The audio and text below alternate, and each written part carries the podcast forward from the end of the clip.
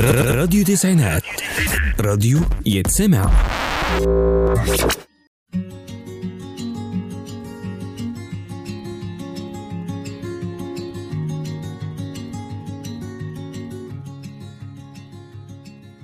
يا صباح الفل على كل مستمعين راديو تسعينات إف إم. معاكم يارا جاد وبرنامج جديد كان ولسه كمان. برنامجنا بيحكي عن حاجة متداولة في كل بيت. لا دي مش متداولة في كل بيت بس. متداولة في كل شارع في كل مكان في أي حتة موجودة في كل مشكلة في كل مصيبة في كل فرح في كل حزن. وهي الأمثال الشعبية.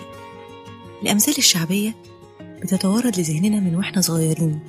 دايما كنت بسمع ماما وأنا صغيرة تقول مثل في أي مصيبة مثل في أي فرح مثل في أي مشكلة كأنها زي المية اللي إحنا بنشربها.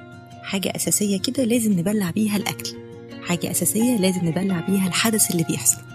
ولما كبرت بقيت أعمل زي أمي بقيت أستخدم المثل في كل حاجة مع ولادي ومع صحابي وفي شغلي وفي كل مكان بروح. حتى في الأماكن اللي ببقى قاعدة فيها حتى في هزاري مع الناس حتى لما باجي أستقبل مصيبة حصلت لي حتى لما باجي أستقبل حاجة حلوة حصلت لي.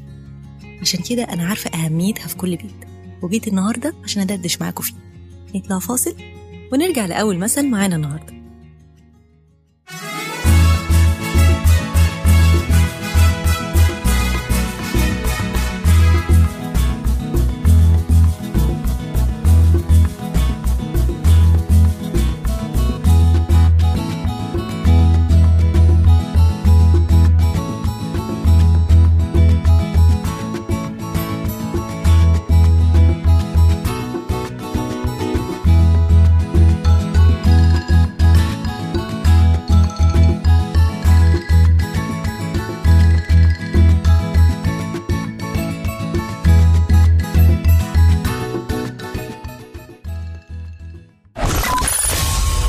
راديو تسعينات.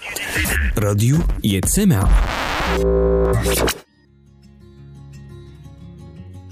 ورجعنا لكم تاني مستمعينا بعد الفاصل. أول مثل معانا النهاردة الحقيقي اللي كلنا بنستخدمه. كلنا بنستخدمه لما بنلاقي حاجة ما اتعملتش زي ما لازم نعملها. لما بنلاقي حد بيعمل حاجة هي مش من اختصاصه.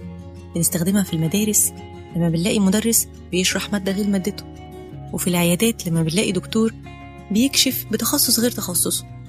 وبنستخدمها كمان عند العجانين وعند المخابز لما بنلاقي حد بيعمل حاجة هو ما بيعملهاش.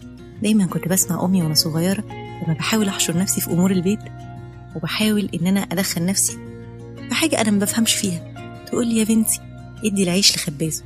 كنت بسمع المثل وأنا مش فاهمة. يعني إيه؟ عادي ما كلنا ممكن نقدر نعمل أي حاجة. بس اللي اكتشفته غير كده خالص. حكاية المثل دي بترجع لصاحب مخبز. زمان كان في راجل عجوز. صاحب مخبز كبير بس قرر إن هو يستريح تعب من كتر الشغل.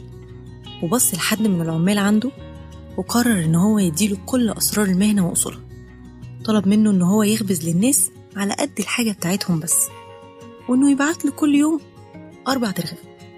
وبعدين بدأ العامل ده يفهم في الشغل قوي ويتقن المهنة بتاعته جدا. بس بقى يبعت للراجل العجوز رغيفين بدل أربعة. وده معناها طبعا إن هو ما بيلتزمش بالشروط اللي اتفق فيها مع الراجل. وبعدين راح في يوم إن هو يشتري فرخة عشان ياكلها. طبعا ما لقاش في المكان غير فرخة واحدة بس وقرر ساعتها إن هو يزور الراجل العجوز. يشوف عنده بقى مجموعة من الدجاج اللي ما بتاكلش ولا بتشرب عشان ياخد منها فرخة ياكلها ويبر نفسه كده بيها. زوجة العجوز دي قالت له إيه؟ قالت له يا بني لقد استهلكت كل معظم القمح ومبقاش عندنا حاجة غير الدجاج عشان ناكلها. يعني انت عايز, كمان تاخد مننا القمح والدجاج؟ يعني انت بتهزر. العامل قال لها أنا كنت برسل لكم كل يوم رغيفين راحوا فين؟ راحت زوجة العجوز قالت له ما كانش بيكفي يا ابني ادي العيش لخبازه لو كل نصه. يعني حتى لو أكل نصه ادي العيش لخبازه. ومن هنا يجي أصل المثل الجميل ادي العيش لخبازه واللي إحنا بقينا نستخدمه في حاجات كتير قوي دلوقتي.